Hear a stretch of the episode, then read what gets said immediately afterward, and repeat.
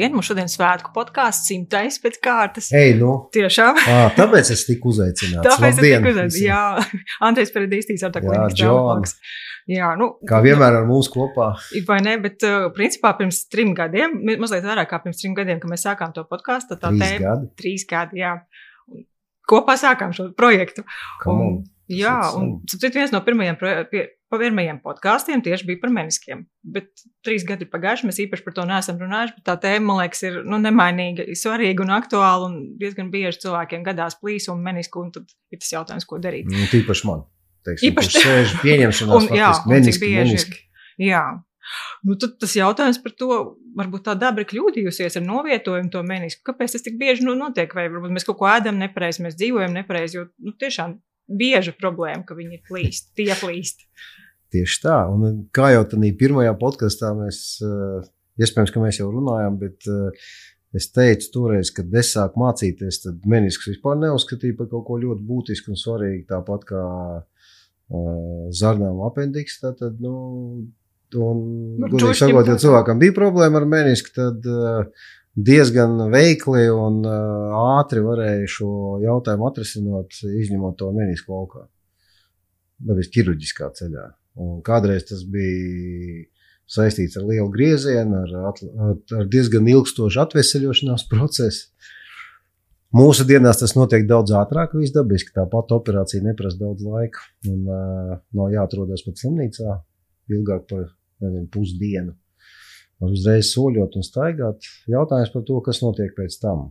Un tas ir tas jautājums, par ko ir Jārunā. mani jā, amatu brāļi ir aizdomājušies visā pasaulē, cik tālu mēs varam atļauties, un vai tiešām tie meniski ir tik nebūtiski un nesvarīgi ceļu locītavā, ka viņiem var tik viegli rīkoties un ņemt viņus laukā.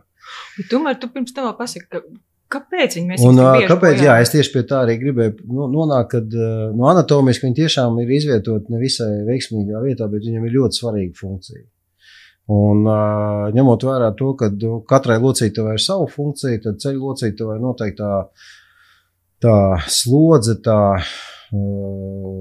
tā, tā funkcija, ko viņi pilda, viņa ir ļoti svarīga, jo faktiski ceļu locītos ir mūsu augšējās ķermeņa daļas atbalsta punkti veicot piecelšanos no pietupiena, ejot pa kāpnēm, soļojot lejā no kalna, ā, ceļu locītavām.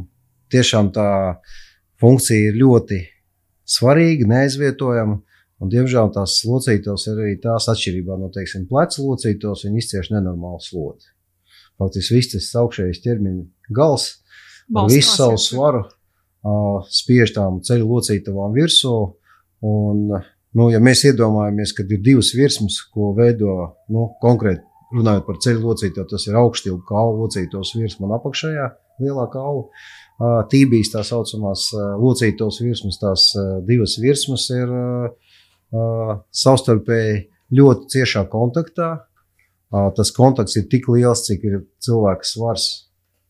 Un uh, nāk vēl klāt kaut kādas slodzes saistībā ar teiksim, to, ko mēs tajā brīdī darām, lecam no kaut kāda augstuma, no cik liela augstuma. Mhm. Un tam visam jābūt uh, stabilam, uh, labi jāamortizē tā slodze. Un dabiski meniski ir viena no tām ceļu locītavas neaizvietojamām sastāvdaļām, kas nodrošina ceļu locītavai pirmkārt stabilitāti un arī nodrošina savā ziņā amortizāciju. Ja mēs lasām zinātnīsku literatūru, tad to funkciju ir vairāk. Es par viņiem nerunāšu, viņas pārāk Pārāk sarežģītas.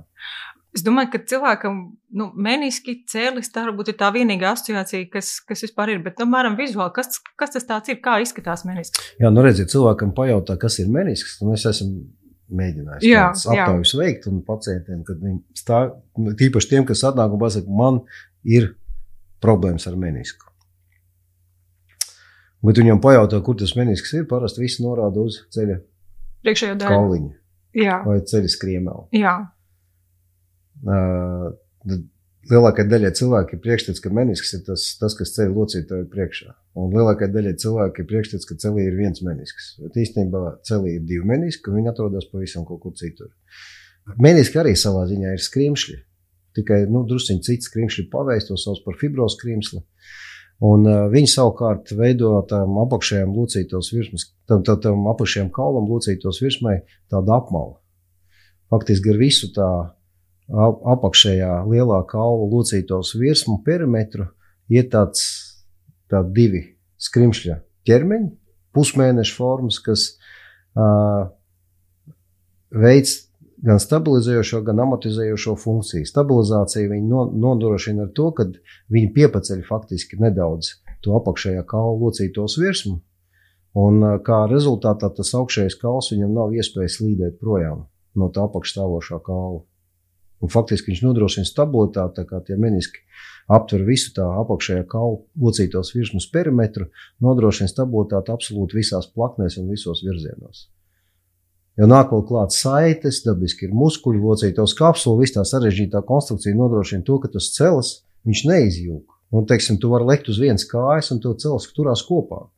Nu, tas jau nu, tas ir tiešām unikāli. Ja tā iedomāties, kāda slodze, kāds, nu, tāpēc arī tiem meniskiem sanāk, viņi atrodas tur divām locīto virsmām, Viņam nenormāls spiediens visu laiku, tīpaši, ja mēs, piemēram, runājam par iekšējo menisku, jo meniski ir divi, ir iekšējais un ārējais. Un iekšējā meniskam ir spiediens, nu, es nezinu, ar ko var izmērīt, bet uh, ko var iedomāties, tīpaši, ja mēs salieksim celu līdz galam un vēl pietupsimies, tad nu, tas uh, iekšējā meniska viena daļa tiek saspiesta ar nenormālu spēku. Bet viņi tādā pašā laikā paliek veseli un turās līdz kaut kādam brīdim. Ja mēs tikko runājām, ka mēs taisījām vienu video podkāstu, ja tu atceries, tad par tiem meniskiem. Cilvēkiem vienmēr ir YouTube kanālā var iet un kā... mājas, kur tur jāskatās. Jā, jā, jā, YouTube kanālā mūsu, jā, tas ir apskatāms. Tur viss ir, mēs tur ar doktoru Jurkeviču, man liekas, diezgan uzskatām atraktīvi par, par tavu palīdzību mēģinājām parādīt, kas ir meniski. Tad tas jautājums, es, es saprotu, ka būtībā divas lielas grupas ir, kur, kur cilvēki bojā meniskus. Viena ir tie aktīvi, gan jauni cilvēki, kas kaut kādā veidā sportojot, kustoties, aktīvi bojā meniskus, un otra grupa ir tie cilvēki, ka nu, ķermenim un tā skaitā arī meniskiem pakāpeniski novecojot, tas var būt absolūti tādā maigā, mierīgā kustībā var saplēst šos meniskus. Tā var dalīt, būtībā. Precīzi, jā, es domāju, ka diezgan pareizi. Tiešām divas lielas grupas, nu, faktiski meniskiem var būt traumatiski bojājumi. Skaidrs, ka tas lielākā daļa, kas, kam tas notiek, tie ir jauni gados cilvēki. Un tad ir deģeneratīvi bojājumi vai bojājumi, kas radās uh, novecošanās procesa rezultātā. Tie ir vecāki gājumi cilvēki. Bet, ko nozīmē vecāki? Tie ir 35. Nu, es domāju, kad sākās 30, novecošanas process, jau sākās. Jau, kad sākās izmaiņas un meniski sāk uh, zaudēt savu elasticitāti, Attiecīgi, kā jebkurš materiāls zaudē arī savu izturības limitu, nu, tad viņš tiek pārsniegts un kaut kādā brīdī parādās maziņš plīsumiņš, kurš lēnām pārtop par lielu plīsumu vai nepārtop. Tu vari divus tādus tipiskus gadījumus. Vienu tajā it kā jaunajā, jauno cilvēku kategorijā, no otru, kā, kuriem jā, tipisks gadījums, nezinu, spēlēja futbolu, bija kaut kāda rotācijas kustība bija teiksim, paslīdējis, vai kāds pretinieks ir uzsīts ceļu locītu vai no, nezinu, no iekšpuses, vai pietupās, un uh, sajūt sāpes, vai pat krākšķi citreiz. Tas ir tāds klasisks traumatisks cēlis piepampa. Piepam nevis uzreiz, bet pēc kāda laika, teiksim, nākamā dienā, kā parasti. No rīta pamanā, ka tas cēlis ir stīvs, smags, nevar saliekt līdz galam. Jā. Kad tas saliekšana līdz galam, ja liekais šķidrums ir celī, nav iespējama. Tā kā lielākā daļa. Un uh, parādās sāpes. Sāpes parasti ir 90% gadījumos plīst tā saucamais iekšējais menisks, attiecīgi sāpēm jābūt arī ceļu locītos iekšpusē. Tur, nu, tā ir klasika. Jā. Jā, Sāpes jā. iekšpusē, stīvāks cels, nevar saliekt līdz galam. Uh, var droši doties. Uh, kaut ko līdzīgu var radīt arī iekšējā sāla saites sastiepums. Un te parādās tā dilema, kur, tas, kur tiešām parādās nepieciešamība tomēr aiziet pie speciālista. Jo Lai tieši speciālists kas, var izvērtēt, vai tiešām šī gadījumā tam cilvēkam tas, kas traucē, ir tas bojātais menisks, vai tā ir sānu saite. Ja pat tūstais magnētisko rezonanci un konstatē magnētiskā rezonansē, ka cilvēkam ir bojāta iekšējā sānu saite daļēji, mm -hmm. un ir bojāts arī menisks, mums vienalga ir dilema, ko tam mums darīt vai tiešām tās sāpes ir saistītas. Iespējams, ka tas menisks sen jau bija pārplīs. Tad ar to tā, tāda veida gūtām traumām, viņas pašas kaut kā nepāriet, tā tūska nepāriet. Nav tā, ka tas atkal viss var nomierināties. Nē, nu, nē meniskam viss atkarīgs no tā, kā viņš ir pārplīs. Ja jūs ielūkosieties internetā, ievadīsiet tur, nezinu, bojāts menisks vai vārdu menisks, nu, tur parādīsies dažādas bildes, kur var redzēt, kādos veidos, nu, tie meniski tiešām, viņas, tie plīsumi ir dažādi, viņas mēģina klasificēt. Uh, pēc viņu novietojuma, lokalizācijas formas uh, un tā tālāk. Un dabiski uh, ir meniska bojājumi, kuri var pilnīgi absolūti nekādā veidā viņš var ieplīst, bet viņš netraucē.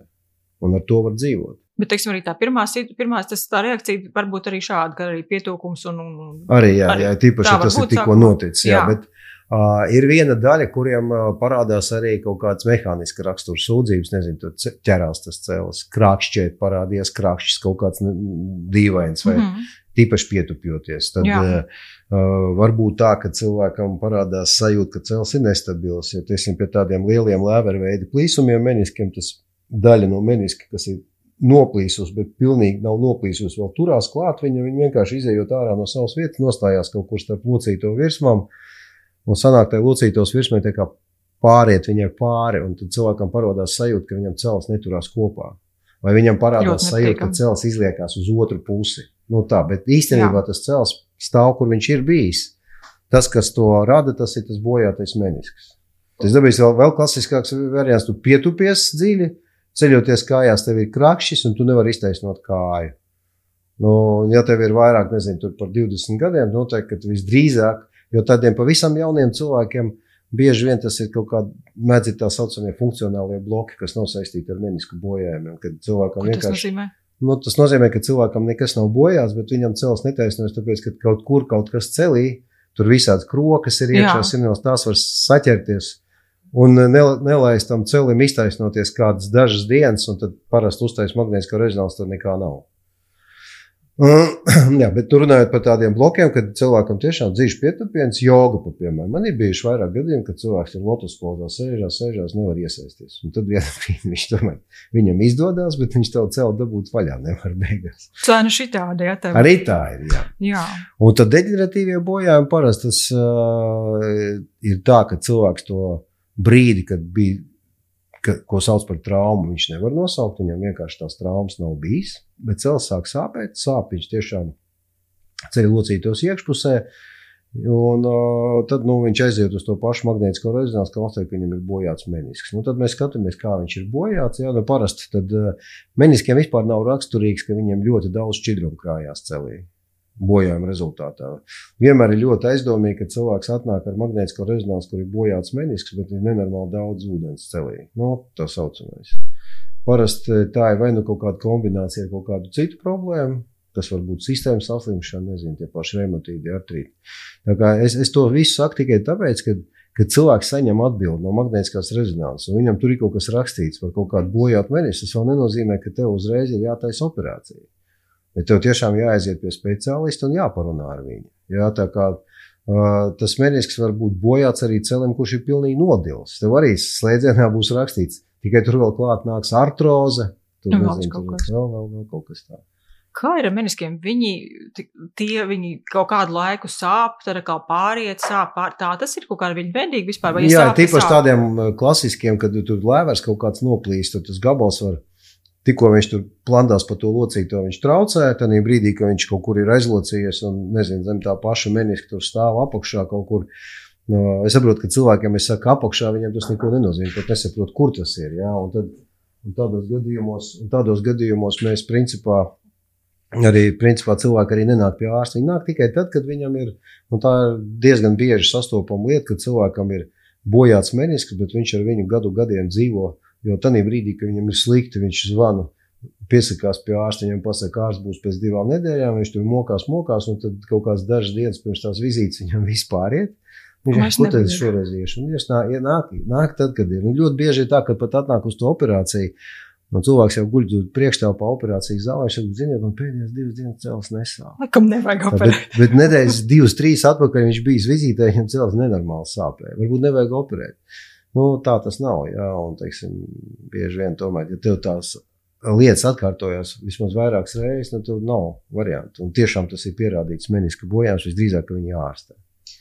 Bet ar meniskiem arī nu, ir situācijas, ka nav nekādas steigas, bet, ja, teiksim, ja tev tiešām klemē, ķerās, nu, tur nav jāgaida. Jo tas menisks, viņš, to, ka viņš ķerās, tas ir viens, bet viņš jau arī bojā locīto virsmu. Un tam skrimslim viņš ir, jā. neskatoties uz to, ka viņš ir šausmīgi izturīgs, viņam, bet viņam ir vairākas kārtas, un tā au, au, virsējā tā saucamā aizsardzība kārta, ja viņi tiek sabojāti, tad viss tas skrimslis noteikti dils, un lēnām, lēnām tā locītavas virsma būs plika, vienkārši būs pliks kāls ar laiku. No sākuma maziņš caurumiņš, un viņš paliks ar vien lielāks. Saki, meniskus redzēt un apskatīt tā nopietni var tikai magnētiskā rezonances izmeklējumā. Nekur citur viņu nu, godīgi sakot, jā. Ne, ne sonogrāfijā, ja kāds sonogrāfijā lasa, ka viņam ir meniska bojājums, tas ir absolūts nu, nonsens. Ja? Nu, tu vari aprakstīt, apmēram, tu nevari viņu nos, no, noteikt. Viņu. Tu vienīgais tu vari minēt, ka tur ir meniska bojājums, ja tu tur redzi, tur tā, ir tā saucamās meniska cistas pie lieliem bojājumiem, veidojās tā dobuma ap meniskiem. Ja tos, tos tu vari redzēt sonogrāfijā. Nu, tad tu vari, teiksim, pastarpināt, eh, nu, secināt, ka tur visdrīzāk būs meniska bojājums. Un tāpēc, kad cilvēks sāp, nu, tu jau pēc klīnikas arī tie ārsti citreiz redz, ka tur varētu būt menisks, viņi ieraksta menisks. Bet tā viennozīmīgi pateikt par meniska bojām magnētiskā rezonanse, bet arī nevajag pārspīlēt ar tām magnētiskām rezonansēm, magnētiskās rezonanses ir tīpaši jauniem cilvēkiem, bērniem, kad tur raksta meniska bojājumi bieži vien un uh, kļūdaini raksta bojājums, uh, domādams, uh, redzot uh, magnētiskā rezonansē meniskam. Nu, It kā bojājumi, bet īstenībā tas ir asinsvads. Teiksim, jauniem cilvēkiem diezgan izteikti asinsvadi ir meniskiem, kur, kurus bieži vien neskatoties nu, uz plīsumu. Un tad jā. viņam raksta plīsums 15 gadīgam bērnam, un tad viņš iet uz operāciju. Un operācija taisa un menisku bojājumu nav. Bet, nu, ir narkoze, ir operācija, ir kaut kāda riska un tā tālāk.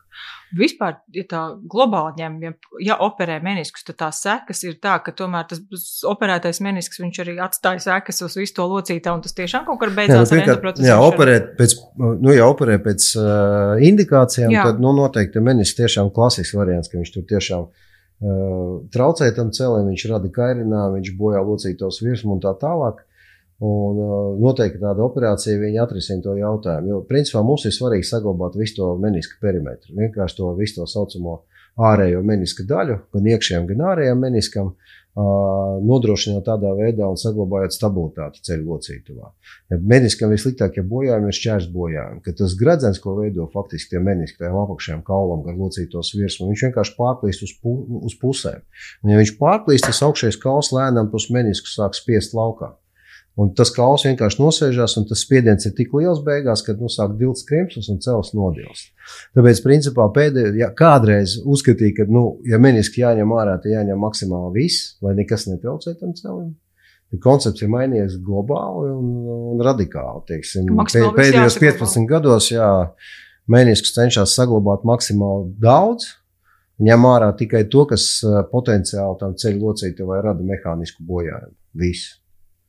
Viss pārējais ir jāatstāj. Tīpaši tādiem ceļiem, kuri jau padiluši ir. Labāk viņi vispār neaiztikt, tad nu, tādā gadījumā paņem tikai minimāli kaut kādu daļu no tā, kas tur tiešām mehāniski varētu traucēt ņemot vērā, ka tā operācija nu, nosacīta, bet tomēr viņa ir diezgan vienkārša, ātra, tas rehabilitācijas periods ir ātrs, likās, un tas tāds sīkums. Jā, viņa nav vienkārši. Nu, tas iespējas pacientam, kā tas viss.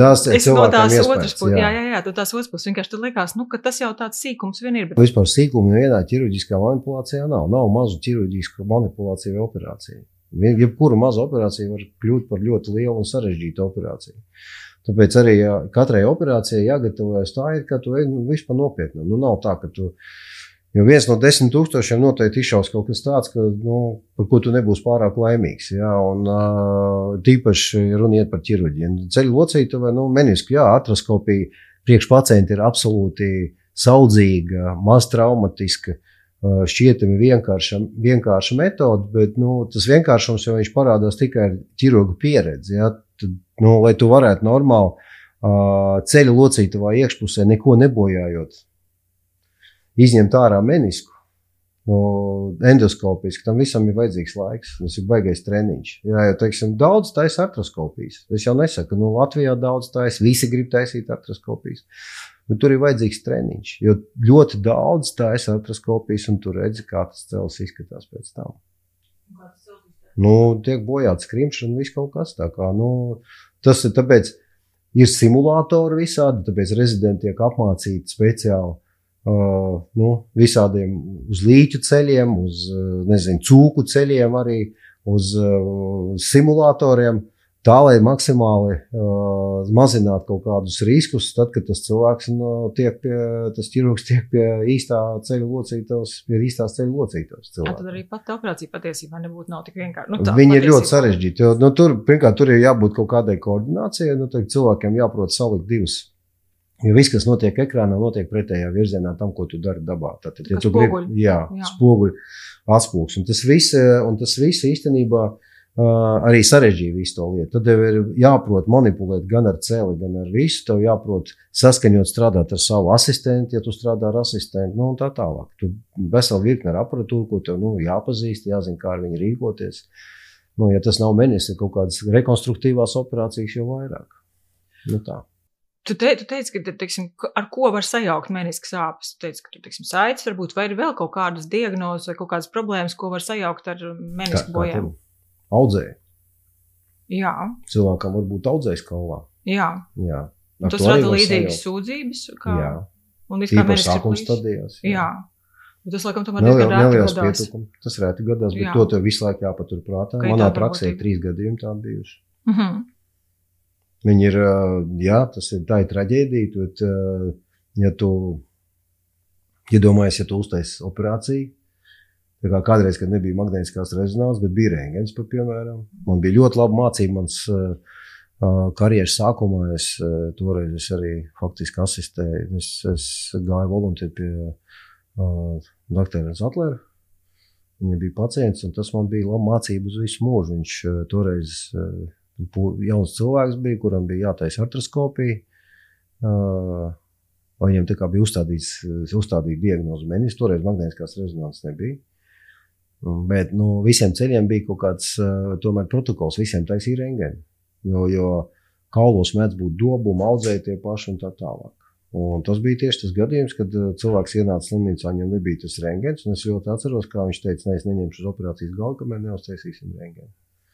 Tā aizsūtīja tomēr viņu uz rengeni, viņam uztaisīja. Toreiz rengeni nevarēja tik ātri uztaisīt. Mm -hmm. Tad pašā dienā uztaisīja visu, un tur bija pamatīgs veidojums kaulā kas radikāli mainīja absolūti tādu situāciju. Un, ja tu šitādam celim, teiksim, nu, nezinu, nu, slinkums bija aizsūtīts uz to rengeni, nu, vai neaizsūtīts uz rengeni, nu, ko tu rengeni, nu, taču cels lokās, viss, nu, kā tur lūzumu taču nav. Visiem cilvēkiem liekas, ka rengens ir domās tikai tam, lai lūzumu paskatīties. Jā. Nu, tā tas nav.